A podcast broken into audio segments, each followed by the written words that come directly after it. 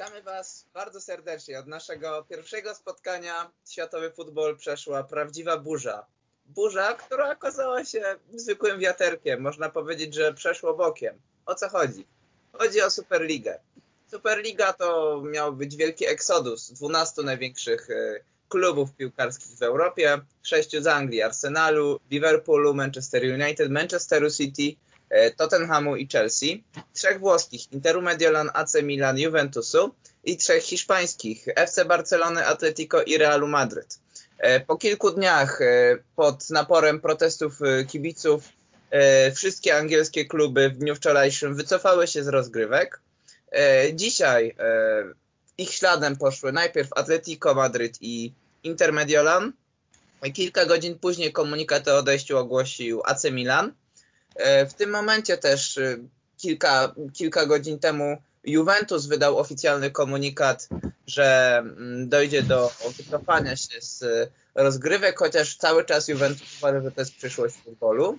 E, natomiast e, nie znamy wciąż stanowiska Barcelony, bowiem mm, oficjalny komunikat katalończyków brzmiał, że o przyszłości Barcelony w Superlidze decydować będą socios, czyli współwłaściciele, tak naprawdę zwykli kibice, więc możemy tutaj spodziewać się werdyktu, no i w zasadzie zostanie sam Real Madryt. I Powiedz mi, jeśli chodzi o Real Madryt, to wczoraj wieczorem e, Florentino Perez o 23.30 miał udzielić wywiadu takiemu hiszpańskiemu radiu sportowemu, bardzo ważnemu Cadena Ser, ale ostatecznie się w tym wywiadzie nie pojawił, nie pojawił się w e, siedzibie radia, e, troszeczkę ukrył się przed światem. E, no i co myślisz, co teraz siedzi w głowie Florentino? Tak, no ja to na, na początku chciałem się oczywiście przywitać z naszymi wspaniałymi słuchaczami. E, no i co myślę właśnie o tym? No, Fiorentino Perez, no nie dziwi mnie to, że się nie pojawił na tej konferencji. No, jak jeżeli tak no, można powiedzieć, że teoretycznie na papierze został w Superlidze już tylko po prostu Real i super założycielem i prezesem Superligi jest również prezes Realu Fiorentino Perez. No, nie dziwi mnie to, że potężny włodarz nie pojawił się na tej konferencji. No, można powiedzieć, że ten. E, to już pojawia się mnóstwo memów w internecie, że e, Superliga powstała 18 kwietnia, a umarła 20 kwietnia. No, no, można było się tego spodziewać, aczkolwiek ja tutaj chciałbym zwrócić głównie uwagę na to, że tak naprawdę e, Superliga przegrała z fanami. Przegrała z tym, z tym, czym jest tak naprawdę futbol. Futbol bez kibiców jest niczym. E, I teraz było naprawdę widać, że kibice stanęli za swoim ukochanym sportem, e, tak jak to było przy, chociażby wczoraj na ulicach Londynu, kiedy to pod stadionem Chelsea, pod Stamford Bridge po prostu zgromadziły się tłumy skandujące, że oni, to nie jest ich drużyna, to co Chelsea i zarząd Chelsea, Roman Abramowicz próbują zrobić, to, to już nie jest ten sam klub. Pod wieloma innymi stadionami działo się dosłownie to samo. E, no i, no i cóż, no poleciały głowy, poleciały głowy. Czy poleci głowa Fiorentino Pereza? E, najprawdopodobniej, ponieważ do, doszedłem do informacji mówiącej o tym, że jeżeli Fiorentino Perez pozostanie e, prezesem Realu Madryt, a tutaj jeszcze tylko wspomnę, że bodajże niecałe dwa tygodnie temu e, Fiorentino Perez został wybrany na kolejną pięcioletnią kadencję, więc e, no nie jest to na pewno prezesowi Realu Madryt na rękę. I czy Fiorentino Perez pozostanie na stołku? Wydaje mi się, że nie. Królewscy nie mogą sobie pozwolić na brak Y, brak po prostu rywalizacji, jeżeli chodzi o Ligę Mistrzów. Jest to drużyna, która wygrała ten puchar najwię najwięcej razy. Jest też jedyną drużyną, która wygrała ten puchar trzy razy pod rząd i jedyną drużyna, którą po prostu ten puchar obroniła. Więc no, aktualnie sytuacja w świecie piłki, noc, piłki nożnej wydaje się, że pomału się stabilizuje, ale no, cały czas jest e, Fiorentino Perez jest pod światem reflektorów i można powiedzieć na, celow, na celowniku, czy to prezydentów UEFA, FIFA, i czy też samej po prostu Ligi Hiszpańskiej, tak? Bo jeżeli Real Madryt nie wycofa się z Superligi, to będzie pozbawiony możliwości grania w lidze hiszpańskiej, co, co też wydaje mi się, że jest niedopuszczalne. A jeżeli postanowi zostać w Superlidze, no to będzie najprawdopodobniej grał e, z z, młodzieżo, z młodzieżowymi drużynami Realu, bo żadna drużyna nie wydaje mi się, że teraz, że po prostu wróci do, do projektu, jakim jest Superliga. To może jeszcze przypomnę, na czym w ogóle polegał, polegały zasady tych rozgrywek. Otóż 12 klubów założycieli plus jeszcze domniemano trzech innych, czyli miało być optymalnie 15 klubów założycieli, które miały mieć stałe uczestnictwo w tych rozgrywkach. I tutaj mówiło się o kuszeniu Napoli, mówiło się o Bayernie, mówiło się o PSG, mówiło się o Lipsku, Borussii i Porto w tej roli.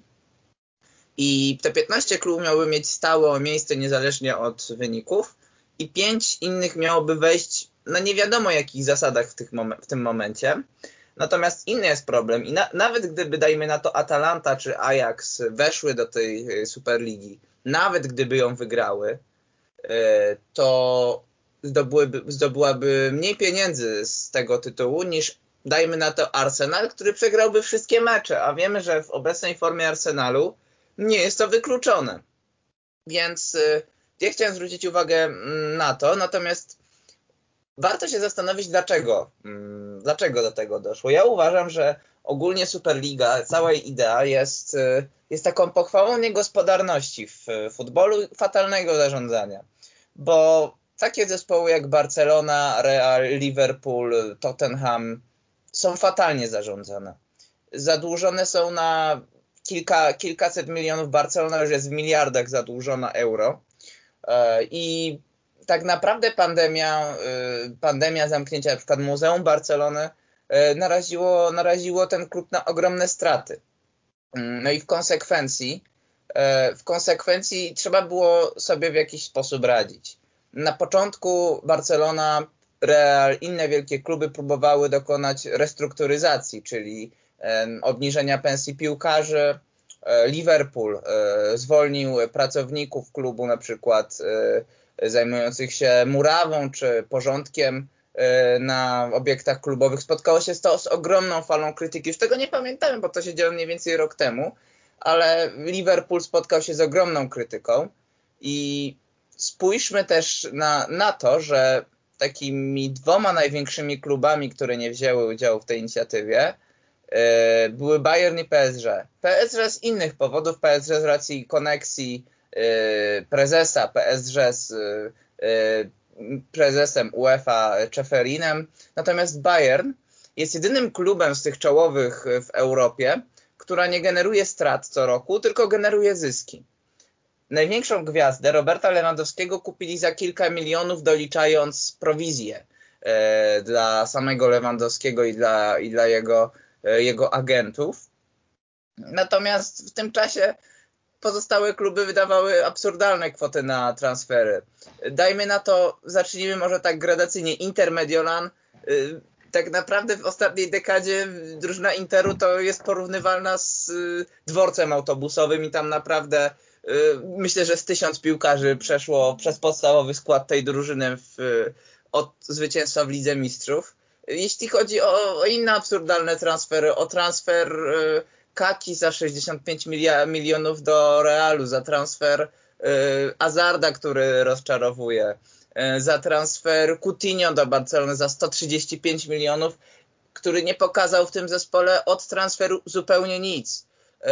Y, to w jaki sposób te horrendalne kwoty, jakie wydaje, wydają te zespoły na transfery bardzo często nietrafione, w końcu się musi zemścić. I ja, jest, ja uważam, że jeśli te kluby mają zbankrutować e, ze, swoje, ze względu na swoją niegospodarną politykę, to niech bankrutują, niech zaczynają od Serie D jak Glasgow Rangers, e, niech zaczyna, jak widzę w Łódź. Tylko te kluby nie chcą w ten sposób funkcjonować, a no, takie są prawa rynku, że jeśli jeśli nie potrafisz zarządzać swoim klubem, no to albo musisz sprzedać najlepszych piłkarzy, albo, yy, albo po prostu wygrywać trofea, albo płacić mniej, albo prowadzić rozsądną gospodarkę yy, w, wewnątrz klubu, albo po prostu iść za przykładem klubu z Bawarii czy z Dortmundu, yy, który od y, tych długów z 2005 roku radzi sobie naprawdę dobrze finansowo. Więc to mnie najbardziej uderza, ta próba próba takiego, tak naprawdę to w Superligę można by było nazwać funduszem restrukturyzacyjnym dla tych zespołów, a nie, a nie Superligą. No tak, dokładnie. Tutaj zarządzanie, tak jak mówisz, ma ogromny, ogromny wpływ na kluby.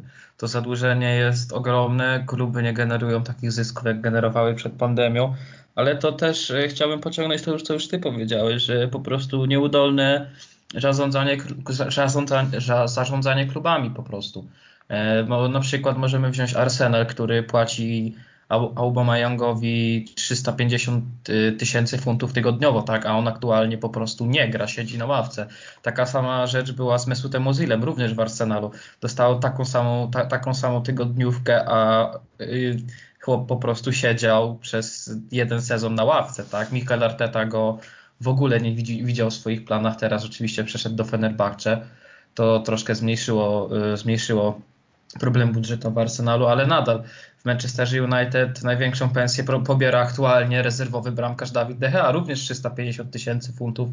Ale to ja bym chciał też zwrócić uwagę na jakie, jakie kwoty teraz są śrubowane po prostu podczas okienka transferowego. Mowa, y, tutaj media po prostu trąbią na prawo i lewo, jeżeli tylko Erling Haaland strzeli bramkę, to jego cena absurdalnie rośnie. Borussia Dortmund życzy sobie 20, 200 milionów, 200 milionów za tego młodego e, Norwega, a, aczkolwiek sam Mino Raiola jeszcze życzy sobie za jego transfer, który jest jego agentem kolejnych pieniędzy, więc to o to też chodzi, że zarządzanie tymi klubami nie jest dobre. Tak jak mówiłeś, transfer na przykład Edena Hazarda, które są totalnie trafione. Eden Hazard nie gra po prostu w Realu Madryt, e, tak jak przez e, kilka sezonów w Chelsea, przez całego pobyt ominął on 17 spotkań, tak w samym w samym bodajże poprzednim roku zagrał on niewiele, y, bodajże 20 spotkań, czy nawet mniej, to, to jest po prostu no, na takiego piłkarza, jakim jest Eden Hazard, to jest po prostu co, no, no coś niemożliwego. To jest piłkarz, który, za którym stoi jakość, ale jak widać po tym transferze po prostu tej jakości nie ma. E, I co, co, co, jeszcze, co jeszcze miałem powiedzieć? No, wydaje mi się też, że niektóre kluby po prostu e, zapomni, zapominają też o stawianiu po prostu na swoją młodzież, e, czego strasznie mi brakuje w, aktualnie w angielskiej piłce.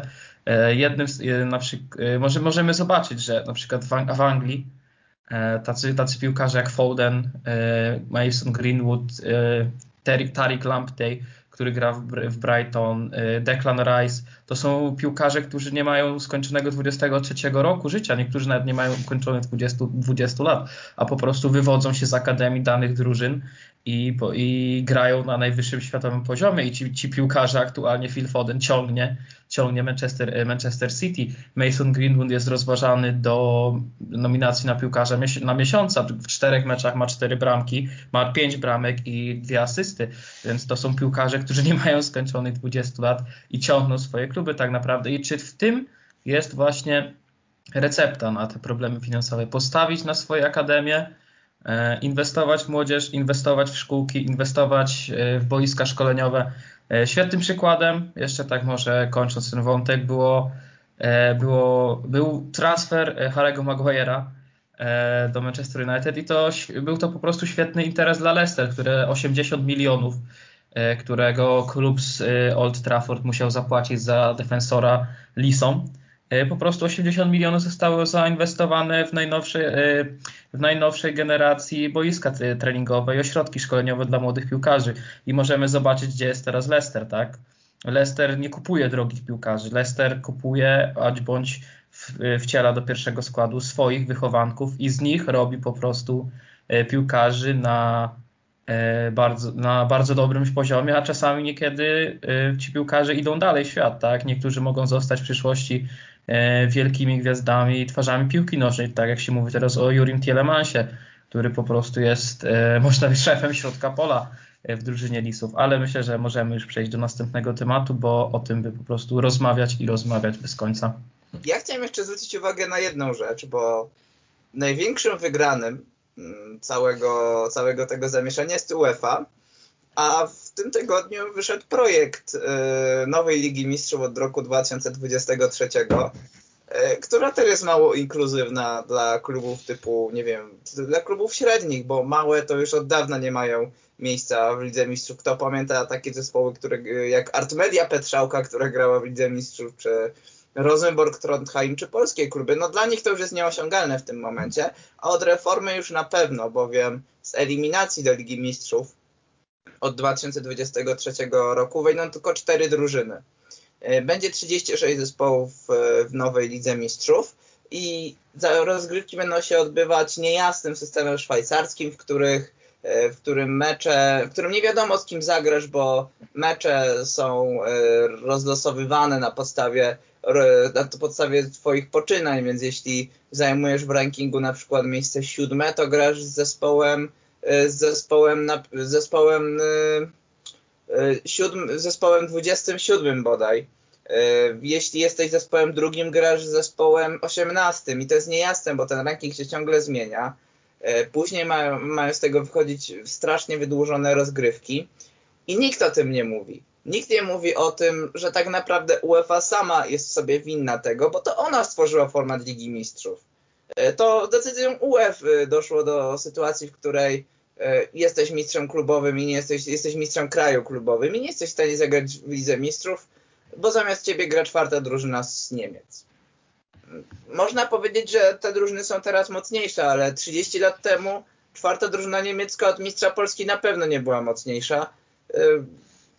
Myślę, że to jest po prostu potwór, którego piwo, które sobie sama UEFA naważyła.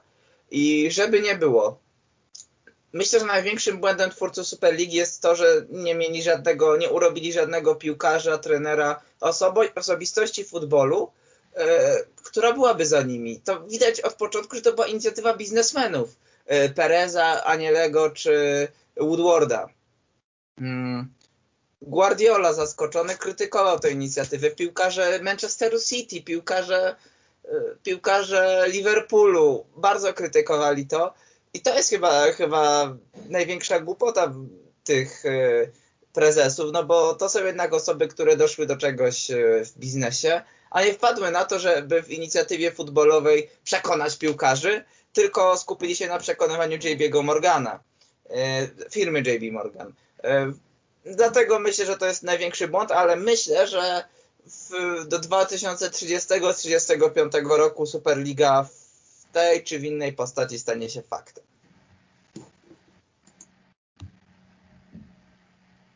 Tak, no myślę, że przyjdzie nam jeszcze poczekać. Aktualnie wydaje mi się, że sytuacja już się uspokoiła e, i myślę, że możemy przejść do e, następnego punktu naszego podcastu i finał Pucharu Króla odbył się w tamtym tygodniu e, i Igorze, czy spodziewałeś się, że Barcelona można, rozgromi Atletic? Atletic Bilbao, który naprawdę w tym sezonie reprezentował dobrą, stabilną formę, myślę. I jak według Ciebie zaprezentowali się piłkarze Dumy Katalonii? No to może ja najpierw zacznę tak przewrotnie od Atletiku, bo Atletik miał dwa finały Pucharu Króla z rzędu do wygrania, znaczy dwóch lat w dwa tygodnie, no bo e, edycja z poprzedniego roku odbyła się tydzień temu, gdzie Atletik przegrał e, z innym baskijskim klubem Realem Sociedad San Sebastian. W tym momencie został rozgrany przez Barcelonę, chociaż okazję też miał i Barcelona wygrała ten mecz e, w drugiej połowie, wygrała tak naprawdę między 50 a 65 minutą. I wbrew pozorom bohater jest trochę nieoczywisty tego spotkania, bo to nie był Leo Messi moim zdaniem, nie był to Jordi Alba, nie był to Pedri, tylko był to De Jong. I De Jong, który tak naprawdę od przyjścia do Blaugrany rozczarowuje, nie jest tym e, nie jest tym młodym, poten, e, młodym, pełnym potencjału zawodnikiem, e, którym był wcześniej. I myślę, że to jest, to jest jedna, jeden no, ze zwycięstw Kumana, że w końcu w jakimś decydującym momencie to De Jong był tym kluczem. E, no i Barcelona ma trofeum i można powiedzieć, że ten sezon już nie jest do, do końca stracony. I myślę, że w kontekście tego, o czym rozmawialiśmy tydzień temu, może to być y, uskrzydlenie Blaugrany w walce o mistrzostwo, która wciąż odbywa się na noże i nawet i nawet dzisiaj będziemy mieli mm, do czynienia z, ważnymi spotkaniami w, o walce o mistrzostwo. Zwłaszcza, że punkty stracił Real w poprzedniej kolejce remisując Hetafe, co też pokazuje fałsz tej Superligi, do której wrócę, no bo Real w ten dzień przed ogłoszeniem Superligi remisuje z broniącym się przed spadkiem Hetafe, więc, więc to też pokazuje pewną obłudę mm, tego zespołu. Tak, no ale tutaj jeszcze musimy zwrócić na to, że Atletico e, no właśnie walczy. Walczy, ostatnio wygrany mecz. E, Real traci punkty, więc wydaje mi się, że na pewno ta sytuacja w lidze hiszpańskiej no będzie, będzie zażarta do samego końca. Aczkolwiek, no, kto, kto będzie na, na, na samym szczycie tabeli po ostatnim po ostatniej kolejce? E, no, możemy się tylko domyśleć, na pewno będzie to ekscytujący wyścig. E, I ja też, e, też takie pytanie w sumie do Ciebie. Czy uważasz, że właśnie zwycięstwo w Pucharze Króla i to trofeum dla Barcelony, wydaje mi się, że może być to taki punkt zwrotny wręcz do zatrzymania Leo Messiego na Camp Nou. Nie sądzisz? Znaczy, no, ja myślę, że Leo Messi od już od dłuższego czasu dobrze się czuł. Tak naprawdę od tego pierwszego październikowego Grand Derby czuł się dobrze w, w zespole Dumy Katalonii. E, I widać, że ta współpraca z młodymi, jak Pedri mm, czy Trincao, naprawdę dobrze się układa i i nie widać już y, tak sfrustrowanego Argentyńczyka jak w poprzednim sezonie. No, symbolem był ten mecz z Bayernem oczywiście, ale ogólnie kadencja Kika Sentiena jest do zapomnienia w Barcelonie, tak samo jak późny Valverde, y, żeby nie było. Ale myślę, że Messi zostanie. Mm, myślę, że myślę, że nigdzie nie przejdzie. E, chyba, że sytuacja finansowa Barcelony do tego zmusi. Już mówiliśmy o problemach finansowych tego zespołu. Natomiast gdybym miał postawić jakieś pieniądze, to postawiłbym na pozostanie Argentyńczyka w stolicy Katalonii. No, to ja mogę dodać, że też wydaje mi się, że raczej Leo Messi nie odejdzie z Barcelony. Jeżeli odejdzie, jako mimo że nie jestem fanem Barcelony, no byłaby to Myślę, że byłby to cios po prostu dla każdego fana futbolu. Bo Leo Messi, no jeżeli myślimy Barcelona, to myślimy od razu i również Leo Messi. No, po prostu cała kariera w jednym klubie, e, jeden z naj... to już jest po prostu pytanie, pułapka, ale no, przez wielu uważany za jednego z najlepszych, jak nie najlepszego e, piłkarza na świecie, ale to pytanie, myślę, że to jest pytanie na e, nie na 40-minutowy podcast, tylko na porządną 3-godzinną debatę, bo naprawdę ten temat jest tak szeroki i ma, ma tyle wątków i ma po prostu tyle ścieżek, które można się zagłębić, że po prostu no, spędzilibyśmy nad tym za dużo czasu. E, więc myślę, że możemy przeskoczyć już do następnego punktu. Od tego będzie sezon ogórkowy, jak, e, tak, tak. jak będziemy rozmawiać. To powiedz mi, Jakubie, w takim razie, kto jest Twoim zawodnikiem tego tygodnia? E, no, moim e, zawodnikiem tego tygodnia, no miałem tutaj dwóch kandydatów. E, pierwszym był już chłopak, o którym zdążyłeś wspomnieć, De Jong, ale nie, nie zdecydowałem się nie postawić na niego, a wybrałem właśnie chłopaka, o którym już też mówiłem wcześniej. Dla mnie zawodnikiem tygodnia został Mason Greenwood. Dwie bramki w meczu z Burnley po dość niemrawej pierwszej połowie w wykonaniu obu zespołów. E, Mason Greenwood naprawdę można powiedzieć, że ma młotek w obu nogach. E, e, pytany na, wywiada, na wywiadach, która noga jest jego lepsza, on sam odpowiada, że nie wie. Po prostu, jeżeli ma piłkę, bądź to na lewej, bądź to na prawej, strzela. I kiedy wchodzi do szesnastki, po prostu kiedy zaczyna dryblować i przekładać piłkę, to przypomina mi, naprawdę przypomina mi młodego Cristiano Ronaldo, który śmigał sobie na skrzydle. Niestety Mason Greenwood inna pozycja, aczkolwiek no e, jako sympatyk tego młodego talentu, no życzę mu jak najlepiej naprawdę. A jaki jest twój e, typ na zawodnika tygodnia? E, ja postanowiłem pójść trochę nieoczywistą ścieżką i wybrałem, wybrałem zawodnika Atalanty Bergamo, e, który nie tylko sławił się strzeleniem gola Juventusowi w kolejnym meczu, który pokazuje budę Superligi, bo ta biedna Atalanta pokonała, pokonała starą damę, Rusłan Malinowski, który nie tylko zdobył decydującą o zwycięstwie Atalanty bramkę, lecz również całą swoją postawą w trakcie meczu po prostu miał ogromny wpływ na zwycięstwo i bardzo, coraz bardziej prawdopodobne wypchnięcie Juventusu z top 4 z Ligi Mistrzów, co jeszcze bardziej jest przewrotne w tej sytuacji. No tak, no o możliwość, że Ju Juventus, który no Andrea Angeli, Angelini, który był jednym z pomysłodawców też i głównych promotorów Superligi, no, który już podał się zresztą do dymisji. No, myślę, myślę, że to był taki plan, że o, w tym sezonie no, możemy się nie zakwalifikować do tej Ligi Mistrzów, a to zróbmy sobie jakąś inną, to może więcej pieniędzy, po co nam ta Liga Mistrzów? Ale to już tylko gdybanie. Dobrze, to przejdźmy teraz na południe Europy e, i odwiedźmy piękny kraj, jakim są Włochy.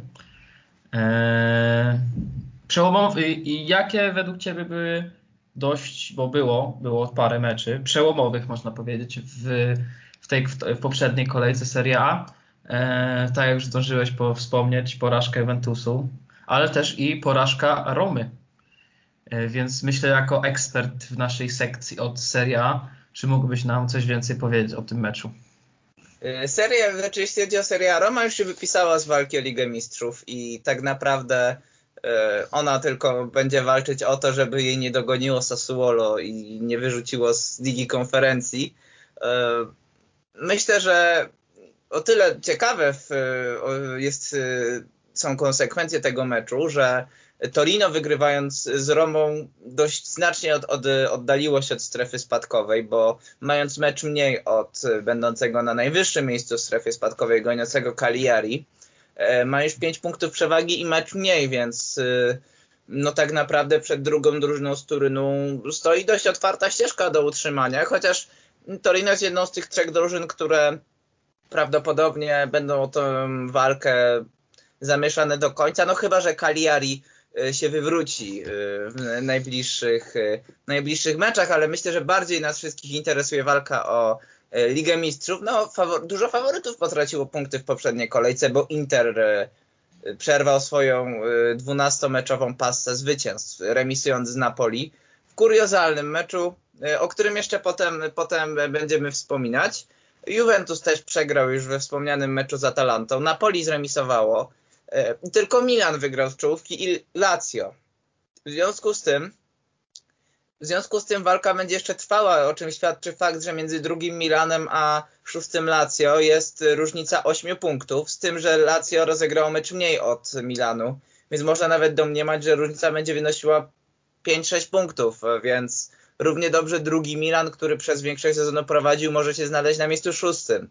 E, ja osobiście, jeśli miałbym typować w tym momencie, w tym momencie układ e, tabeli w e, lidze, w lidze włoskiej, no to myślę, że zwycięstwo Interu jest praktycznie niezagrożone, bo mecze z, z, meczy, z meczów z groźnymi rywalami to tylko Juventus i Roma już na sam koniec.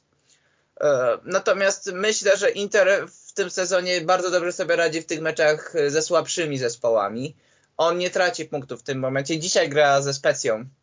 Myślę, że to jest y, dość ważny mecz, bo Specja najlepiej prezentuje się z Beniaminku w Serie A. Y, natomiast, Natomiast stawiam, że y, Nerazzurri będą mistrzem Włoch, co nie jest kontrowersyjną opinią. Drugie miejsce zajmie moim zdaniem Atalanta Bergamo ze względu na, na klasę i styl, jaki prezentują. Trzecie miejsce zajmie Napoli. Czwarty będzie Milan. Mm, piąte Lazio i szóste Juventus, jeśli chodzi o rywalizację, bo zwyczajnie Juventus wygląda teraz najgorzej z e, czołówki e, i taki, taki scenariusz na koniec e, Ligi Włoskiej przewiduje. To powiedz mi teraz, mój, mój drogi, jaka była Twoim zdaniem kompromitacja tego tygodnia? No, kompromitacja tego tygodnia no, miałem tutaj wpisać zawodnika, aczkolwiek no, nie mogłem się powstrzymać i nie wpisać tutaj całej drużyny Arsenalu, bo mecz z Fulham e, po prostu pokazał, że Arsenal w tym sezonie zapomniał, dosłownie zapomniał, jak kopie się w piłkę. W tym sezonie tylko? No, mm, no w tym sezonie Ade, y, totalnie już zapomniał, jak kopie się w piłkę, ale no widać, że po, po zmianie trenera, po opuszczeniu tonącego można powiedzieć, ale jeszcze za sterów Arsena Wengera, dryfującego, przynajmniej do, do, dopływającego co, co sezon do czwartego miejsca, Arsenal po prostu od trzech sezonów e, nie gra, nie gra dobrze w piłkę po prostu. E, problemy kadrowe, e, problemy, tak jak już mówiłem wcześniej, z wysokimi kontraktami zawodników, e, niechęć przechodzenia większych zawodników do lepszych zawodników po prostu światy klasowej do Arsenalu. Jednym z największych transferów, które można powiedzieć ruszył Arsenal trochę do przodu był Pierre Emerick Aubameyang, ale kiedy był ten transfer, a, a, a Pierre Emerick Aubameyang spuścił po prostu stonu i też jeszcze problemy ze zdrowiem, zachorował na malarię, też teraz nie gra, ale jeszcze przed tą chorobą też nie dawał z siebie e, za dużo drużynie. E, no, Mikel Arteta szuka, ma na pewno w składzie kilka młodych zawodników, można powiedzieć perełek, tak jak Saka, Martinelli, czy choćby Emil Smith-Rowe. E, więc e, Marcin Odegaard, który też e, aktualnie przebywa na wypożyczeniu w klubie z Londynu, ale aktualnie jest kontuzjowany. Niestety mamy długi sezon i tak to wygląda. No po prostu Arsenal dla mnie w tej kolejce no, zasłużył na ten tytuł. Nie grał efektywnej, efektywnej dla oka piłki, efektownej również nie. No, cóż mogę powiedzieć? No, mój wybór wydaje mi się dość uzasadniony. A jaka jest twoja? Jaki jest twój wybór, mój drogi? No jeszcze trochę uparcie zostanę przy Włoszech i moim wyborem był bramkarz Interu Samir Handanowicz, który strzelił sobie bramkę, bo gdyby nie ta sytuacja, to Inter by znowu wygrał, bo mm, bodaj w 37 minucie meczu Inter-Napoli mm, w ogóle najpierw doszło do takiego kuriozalnego odbijanki piłki między e, Bastonim a Skriniarem, w wyniku czego do piłki doszedł Ozimen, który po prostu wstrzelił piłkę w pole bramkowe Interu, gdzie nie było żadnego zawodnika Napolitańczyków. I co zrobił De Vrij z Handanowiciem? Handanowicz normalnie złapał piłkę, bo to było takie dośrodkowanie po ziemi. Natomiast De Vrij wpadł w niego Handanowicz wypuścił piłkę i ona wpadła do bramki. E, była to jedna z najbardziej kuriozalnych bramek, jaką w ostatnim czasie widziałem. I myślę, że właściciele Interu powinni też się rozglądać za młodszym bramkarzem. Mówi się o Bartku Drągowskim z Fiorentiny, e, który mógłby wejść, e, wejść do bramki Mediolańczyków. A Handanowicz miałby, miałby być tym drugim doświadczonym bramkarzem. Ten model już w, tym zespole funkcjonował. Y, przed dziesięcioma laty, gdzie pierwszym bramkarzem był Brazylijczyk Julio Cezar, a tym rezerwowym był doświadczony Włoch Francisco Toldo. Więc y, myślę, że to jest, myślę, że pewna epoka się już kończy bramkarska i doświadczony Słoweniec powinien mieć przynajmniej konkurenta. Powiedz mi teraz Jakubie, bo już zacząłeś wątek Premier League. I Jose Mourinho po niespełna roku został zwolniony z y, Tottenhamu. Dostał, opisaliśmy to nawet na naszym fanpage'u, dostał y, bardzo wysoką odprawę, jak, y, jak to zauważyliśmy, no mógłby ustawić, ustawić nie tylko myślę, że nawet wnuki, myślę, że myślę, że i wnuki jego wnuków są ustawione. Dokładna odprawa, jaką dostał za zwolnienie, czyli za po prostu za niezadowalającą pracę 24 miliony euro. E, jeśli chodzi o Jose Mourinho, to mówi się już, że zainteresowany jest nim Valencia. To myślę, że będzie temat na następne podcasty. Natomiast powiedz mi, kogo widzisz jako następcę Mourinho. W tym momencie, e, w tym momencie będzie e, jego asystent trenował, trenował Koguty, natomiast mówi się o kilku nazwiskach w kontekście następcy. Mówi się o byłym trenerze Juventusu mówi się o Allegrim, mówi się o Brendanie Rogersie, mówi się o Mauricio Sarim. E, mówi się, co ciekawe, ja słyszałem o Scottie Parkerze z Fulham. Powiedz mi, jaki jest twój typ na e, przyszłego e, menedżera Tottenhamu. Tak, no ja tutaj jeszcze chciałem dorzucić jedno nazwisko, które było dość często y, y, przytaczane, jeżeli chodzi o szkoleniowca Spurs. Y, jest to Nuno Espirito Santo, aktualny szkoleniowiec Wolverhamptonu. Y, co też, mi się, co też wydaje mi się ciekawą opcją, ale kto zostanie trenerem Tottenhamu, nie mam pojęcia. Aczkolwiek wydaje mi się właśnie, że ja, chcia, ja przynajmniej tak powiem tak, ja chciałbym zobaczyć Juliana Nagelsmana e, w Premier League i wtedy naprawdę top 6 klubów z, z angielskiej ekstraklasy miałoby naprawdę takich trenerów.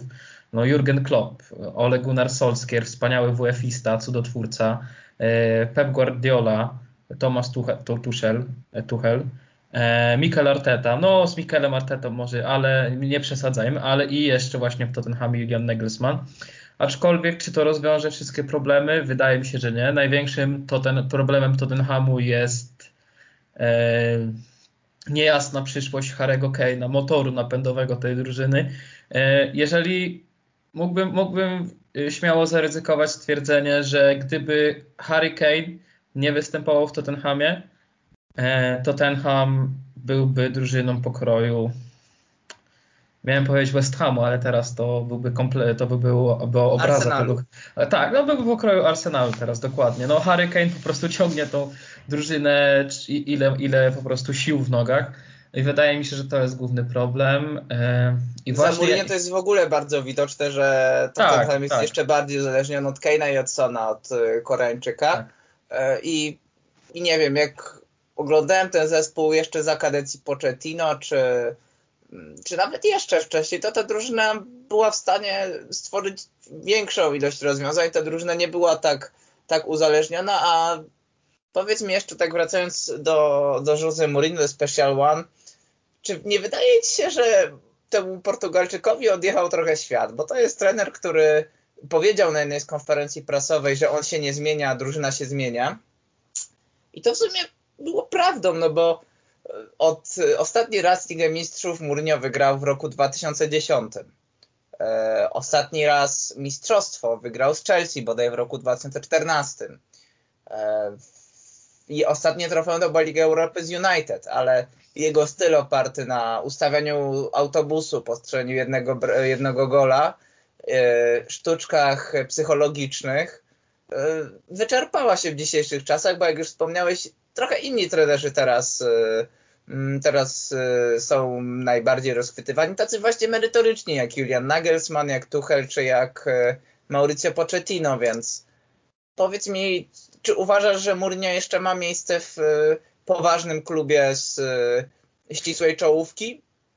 Czy już ewentualnie może tylko liczyć na coraz mniej, coraz mniej ekskluzywne oferty, Y, takie jak właśnie z Walencji, nie wiem, myślę, że taki podobny poziom to w tym momencie Fiorentina, AS Roma, czy, y, czy tego typu zespoły, czy może Wolverhampton, to, to czy, czy, czy Mourinho może jeszcze tronować w jakimś lepszym zespole? Jak dla mnie Jose Mourinho nie ma już po prostu papierów na prowadzenie wielkich klubów. E, argumenty Argenty... E, jest Argentyjczyka, Portugalczyka się skończyły, jeżeli chodzi o prowadzenie no, po prostu efektywnej i efektownej piłki, bo to jak grają drużyny Jose Mourinho, to jest po prostu no kator, katorga do oglądania, nie, będzie, nie będę się nad tym rozwodził. Myślę, że każdy fan piłki nożnej, który ogląda drużyny prowadzone przez Mourinho widzi, że no nie chce oglądać się po prostu tych meczów. Naprawdę, to jest... E, czysta nuda.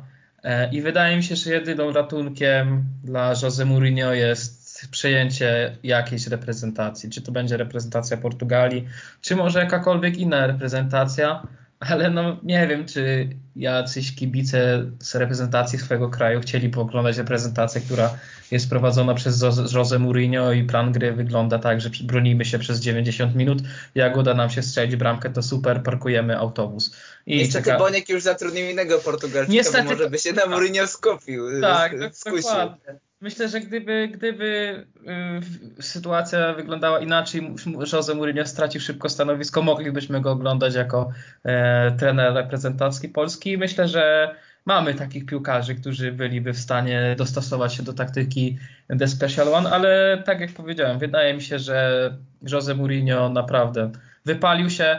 Sam aspekt też nie tego, jak wygląda gra na boisku jego drużyn, ale to, że Jose Mourinho od dwóch, trzech sezonów nie potrafi utrzymać e, szatni po prostu. E, czy jak to było w Manchesterze United, kiedy to dochodziło do e, konfliktów z Luke'em Shawem, Polem Pogbą. Luke Shaw jest aktualnie najlepszym lewym obrońcą w Premier League. Paul Pogba wrócił do stabilnej formy i gra po prostu na swoim dawnym poziomie i widać, że kiedy ci piłkarze grali pod Jose Mourinho, no Paul Pogba po prostu nie grał. Y, Luke Shaw był, był mieszany z błotem, można powiedzieć, co na każdej konferencji. E, więc tak samo było tutaj z Delem Alim. De, przecież Jose Mourinho za, za swojej, za swojej e, kadencji jako trener Manchester United chciał u siebie Dele Aliego, a kiedy przeszedł, został trenerem Tottenhamu, Dele Ali po prostu nie grał. Nie grał nawet w meczach pucharowych pucharowych z czwartoligowymi zespołami, więc no, e, no wydaje mi się, że Jose Mourinho e, stracił przydomek The Special One i został po prostu The One. E, myślę, że tak mogę to podsumować. Jeśli chodzi o inne drużyny z czołówki ligi angielskiej, jak Manchester City, Manchester United, Liverpool czy Chelsea, no to nie ma tam większych zmian. Te drużyny wykonały swoją robotę w ostatnim tygodniu. Ja chciałem się skupić na dwóch innych londyńskich drużynach, West Hamie i Arsenalu. Wspomniany przez Ciebie Arsenal zremisował z innym londyńskim klubem West y, Fulham, który jest w strefie spadkowej i bardzo możliwe, że y, spadnie po sezonie do Championship. Y, I, i, Arsenal, i West Hamie, który po dramatycznym meczu przegrał z Newcastle. Niestety duży wkład miał w to nasz bramkarz Łukasz Fabiański, który zawalił przy dwóch bramkach i napisał taką wiadomość na swoich mediach społecznościowych, który, w której przepraszał kibiców. No ale ci kibice, ci kibice powiedzieli, no stary, nie ma żadnego problemu. Każdemu się to może zdarzyć, a zwłaszcza komuś, kto, kto tyle razy nam ratował tyłek i widać zupełnie inną atmosferę w obu zespołach, widać zupełnie inny potencjał i tak naprawdę jedyne co jedzieli to to, że Arsenal mógł być w Superlidze i to, że Arsenal ma więcej pieniędzy, ale ostatnio West Ham sprawuje się dużo lepiej. I powiedz mi, czy zmiana w londyńskim futbolu, w którym na pozycję 3 zamiast Arsenalu wszedłby West Ham jest możliwa? Mm, myślę, że przy aktualnej formie West Hamu i aktualnej formie y, braku formy Arsenalu E, myślę, że to jest jak najbardziej prawdopodobne. West Ham od transferu Jesse'ego Ligarda i odkąd David Moyes przejął stery e, w klubie, w londyńskim klubie, no West Ham gra jak snut. No mimo ostatniej porażki, tak, no gdzie, tak już powiedziałeś wcześniej, no nasz Polak Rodak e, zawalił bramkę po prostu. Tak naprawdę myślę, że ta kolejka po prostu była taką kolejką, w której West Hamowi się upiekło, bo szósty, szósty Liverpool zremisował 1-1 z Leeds. E, siódmy Tottenham e, no, zremisował z Evertonem 2-2. No i ósmy Tottenham zremisował z siódmym Tottenhamem, tak jak już mówiłem, 2-2. E, I tak naprawdę Everton. ta... Everton, tak, przepraszam. No tak naprawdę ta porażka nic nie zmieniła. Jeżeli chodzi o tabelę, bo w czwarte Chelsea również zremisowało 0-0 z Brighton, co było dla mnie dość dużym zaskoczeniem, aczkolwiek oni byli po E, półfinale z Manchesterem City, jeżeli chodzi o Puchar Ligi, to tutaj akurat nie mogę się dziwić. E, no i porażka Manchester City, ale to już na to nie, nie zwracałbym uwagi. Jak dla mnie Manchester City został już po prostu mistrzem, mistrzem, mistrzem Premier League, chyba że wydarzą się jakieś niesamowite rzeczy, ale to jeszcze zobaczymy. I tak, aktualnie wydaje mi się, że jeżeli Arsenal nie przeprowadzi jakichś gruntownych transferów, nie, nie zrobi po prostu porządku w swoim składzie, E, nie zacznie panować nad tym, jak, nie, nie ogarnie się też w sprawie kontraktu, co już wspominałem wcześniej. No, ja nie widzę Arsenalu. Arsenal nie będzie w przyszłym sezonie grał w Lidze Europy, a nie mówię tutaj już o Lidze Mistrzów. Chyba, że jakimś cudem Arsenal wygra Ligę Europy. Ale jak dla mnie jest to niemożliwe. E, Manchester United, który wydaje mi się, że do finału dojdzie na 120%, bo teraz będzie grał bodajże z Romą. Chyba z Romą, tak? Tak, no, Manchester United jest niepoko- wygrał pięć ostatnich meczów pod rząd w lidze angielskiej. No i radzi sobie naprawdę dobrze. No widać, że ta drużyna, drużyna Olegu Narasolskiera wskoczyła w ten rytm meczowy i naprawdę E, widać, że Norweg robi robotę, bo naprawdę ta maszyna zaczyna działać praktycznie perfekcyjnie. No. E, I wydaje mi się, że wrócił tutaj też do niej e, duch Sir Alexa Fergusona, no można powiedzieć... Team Spirit. Tak, Team Spirit właśnie Alexa, Alexa Fergusona, że tracimy bramkę, dobra, nic się nie stało, gramy jakby było 0-0 i wygrywa, wygrywamy mecze. Tak jak już mówiłem w poprzednim odcinku, 28 punktów z pozycji przegrywającego, ale nie mowa tutaj o Manchesterze United. No, wydaje mi się, że nie zobaczymy w przyszłym sezonie Arsenalu w pucharach europejskich. Chyba, że w Conference League. No Tutaj chyba, że... będzie wyrównana walka, bo w Conference League może się znaleźć jeszcze Everton, tak, Tottenham tak. czy właśnie Arsenal, więc no, będzie to faworyt do zwycięstwa. Natomiast ja uważam, że Roma przejdzie Manchester United, ale myślę, że rozmowa o Lidze Europy y, kiedy indziej. Tak. Mm, Powiedz mi, e, powiedz mi Jakubie, jaki był twoim zdaniem najważniejszy mecz tej e, mijające, mijającego tygodnia? E, najważniejszy mecz w poprzednim tygodniu e, był to dla mnie półfinał e, Pucharu właśnie e, Ligi Angielskiej Chelsea-Manchester City i dla mnie ten mecz był najważniejszy z tego powodu, że no Chelsea w tym sezonie, jakby nie patrzeć, mimo że już nie walczy o Mistrzostwo Anglii, może nadal zgarnąć dwa trofea. E, I to był potężny krok, bo teraz w finale czeka na nich e, Leicester. No, w tym meczu Chelsea po prostu zdeklasowało City, co jak oglądałem skrót meczu, ja byłem po prostu w szoku. Ja nie wiedziałem, że. Ja nie, nie, nie patrząc na ekran, nie wiedziałem, czy to drużyna Pepa Guardioli, czy to nie wiem, czy to młodzieżówka City po prostu.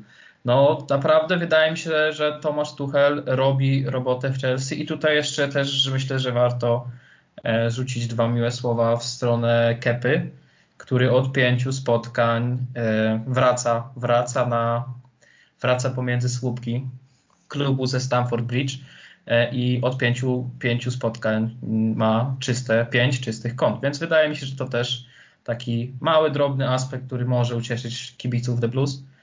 I ten awans do finału i wrac, Kepa wracający do formy. E, I dobra gra, dobra gra zespołu z Londynu. Wydaje mi się, że teraz Chelsea jest klubem, pierwszym klubem, jeżeli chodzi o londyńskie kluby. Dobrze, moim meczem był już omawiany przeze mnie Atalanta Juventus, więc nie będę się rozwodził. No z racji tego, że bardzo dużo czasu nam zabrała ta Superliga, to niestety nie starczy nam dzisiaj czasu na takie głębsze omówienie sytuacji w Bundeslidze, ale wszystkich kibiców y, rozgrywek y, Ligi Niemieckiej, która, no, która poka pokazała pewien etos y, piłkarski, ale także dobre zarządzanie swoimi finansami w ostatnich tygodniach. Mm, obiecujemy, że w następnym tygodniu zaczniemy od Bundesligi. To I poświęcimy tak... jej też na pewno więcej czasu. Tak, przejdziemy tylko szybko i powiedz mi, powiedz mi dwa pytania, e, które są e, takie bardzo krótkie i oczekuję w zasadzie króciutkie odpowiedzi. Mm, czy Borussia Dortmund, która wygrała ostatnio z Werderem Brema i zmniejszyła swoją stratę do Wolfsburga do 5 punktów, jest jeszcze w stanie skoczyć do miejsc premiowanych Ligą Mistrzów? Eee, nie, jak dla mnie nie. Dobrze, to na zakończenie jeszcze yy, powiedz mi, no sytuacja troszkę się wyjaśniła, ale zastanawiamy się jeszcze, czy Lipsk może jeszcze dojechać Bayern Monachium. Yy, no ale wczorajsza porażka z FC Köln prawdopodobnie przekreśliła to i strata już wzrosła do 10 punktów, więc yy, nie ma o czym mówić. Ciekawa jeszcze będzie walka o utrzymanie, o której na pewno będziemy mówić.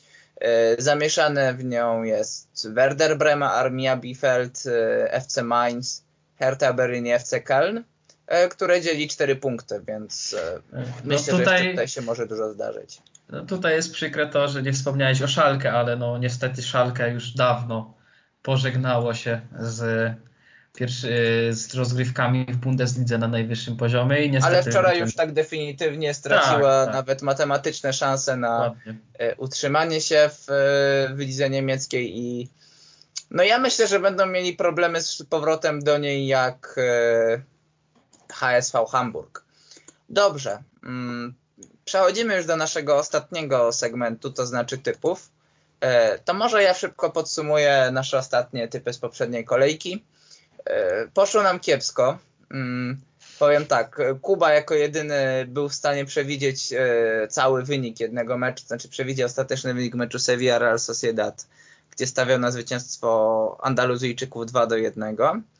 Ja nie przewidziałem żadnego meczu dokładnie, ale przewidziałem trzech zwycięzców. E, w związku z tym może przejdziemy do, do typów na tę kolejkę i powiedz mi Jakubie, analogicznie jak przed tygodniem, pierwszy typ Arsenal-Everton. E, aktualnie wydaje mi się, że Arsenal no, nie ma argumentów, żeby wygrać z Evertonem. Czyli jaki wynik? Się, e, dałbym tutaj 2-0 dla Evertonu. Ja uważam, że jednak The Toffees, drużyna mm, Carla Ancelottiego, no też najlepsze momenty tego sezonu ma za sobą, więc ja spodziewam się remisu 0-0. Drugi mecz w e, lidze angielskiej, derby Londynu, bardzo ważne derby Londynu, zwłaszcza w kontekście walki o Ligę Mistrzów, West Ham United-Chelsea. Oj, to, to będzie naprawdę ciekawy mecz. Tutaj, jeżeli też to jest też walka o Ligę Mistrzów, tak naprawdę. E, główny wydaje mi się, że ten mecz to jest walka o Ligę Mistrzów, ale wydaje mi się, że Chelsea tutaj jednak pokaże klasę. Jednak klasa, jakość zawodników na każdej pozycji wydaje mi się, że przesądzi. E, I wydaje mi się, że tutaj będzie dwa, nie, 3-1, dałbym 3-1 dla klubu z, Chelsea, z Londynu. E, no, Fabiański wybroni ten mecz i, e, i trochę odkupi swoje winy za mecz z Newcastle i stawiam na wynik 1 do 1. To mój drogi, przejdźmy do Niemiec, o których e, obiecujemy jeszcze raz, że powiemy za tydzień więcej. Wolfsburg-Borussia. Mecz bardzo ważny w kontekście, w kontekście Ligi Mistrzów. No jeśli Borussia wygra ten mecz, to zbliży się do Wolfsburga na dwa punkty. Powiedz mi, jaki wynik tutaj przewidujesz? E, wydaje mi się, że będzie to zacięty mecz aczkolwiek nie skończą się wygrano z żadnych drużyn i będzie 2-2. Ja stawiam na zwycięstwo Borussii Dortmund 0 y, do 2, znaczy 2 do 0. To przejdźmy teraz do Hiszpanii. Y, Real Madrid kontra Betis Sevilla. Wydaje mi się, że brak y, no, brak wszystkich praktycznie obrońców Realu Madryt da, tak, dał sobie znać. Już ostatnio się zemścił remisem, więc tu wydaje mi się, że przy dobrze grającym ostatnimi czasy Betisie, wydaje mi się, że, reprezentującym się przez cały sezon bardzo stabilnie i bardzo fajnie. E, wydaje mi się, że skromne 1-0 dla Betisu jednak. Ja tutaj znowu wyjdę jak trochę smutny pan i stawiam na 1 do 1. Nie wspomnieliśmy też w, tej, w tym tygodniu lidze francuskiej, o niej też więcej porozmawiamy w następnym tygodniu. Zaczniemy więc od Francji i od Niemiec. Mm, Lyon-Lille, mecz bardzo ważny w kontekście mistrzostwa tego kraju i powiedz mi, kogo, kogo przewidujesz jako zwycięzcę? Mm, tutaj wydaje mi się, że Lille y, wygra, ale wygra 2 do 0. Ja stawiam zwycięstwo Lyonu 1 do 0. E, zweryfikujemy, zweryfikujemy te wyniki i zobaczymy, który z nas jest większym amatorem. E, natomiast... W ostatnim tygodniu większym amatorem okazałem się ja. Bodajże Ale to była bardzo zacięta walka, tak. więc widać, że możemy tutaj zmienić nazwę na dwóch amatorów i yy, myślę, tak. że może być równie adekwatnie. Polecamy odtworzyć ten podcast, jako że był troszkę dłuższy w prędkości 1-2, e, to prawie nie odczujecie różnicy. Widzimy się za tydzień, słyszymy się za tydzień. E, mam nadzieję, że będziemy już mogli to zrobić siedząc, siedząc obok siebie w warunkach stacjonarnych. Mm, ja ze swojej strony dziękuję. Nazywam się Igor Dzielic, a razem ze mną o, o futbolu w co w Piszczy w Murawie rozmawiał Jakub Macher i również dziękuję. Życzę miłego dnia i do następnego. Trzymajcie się.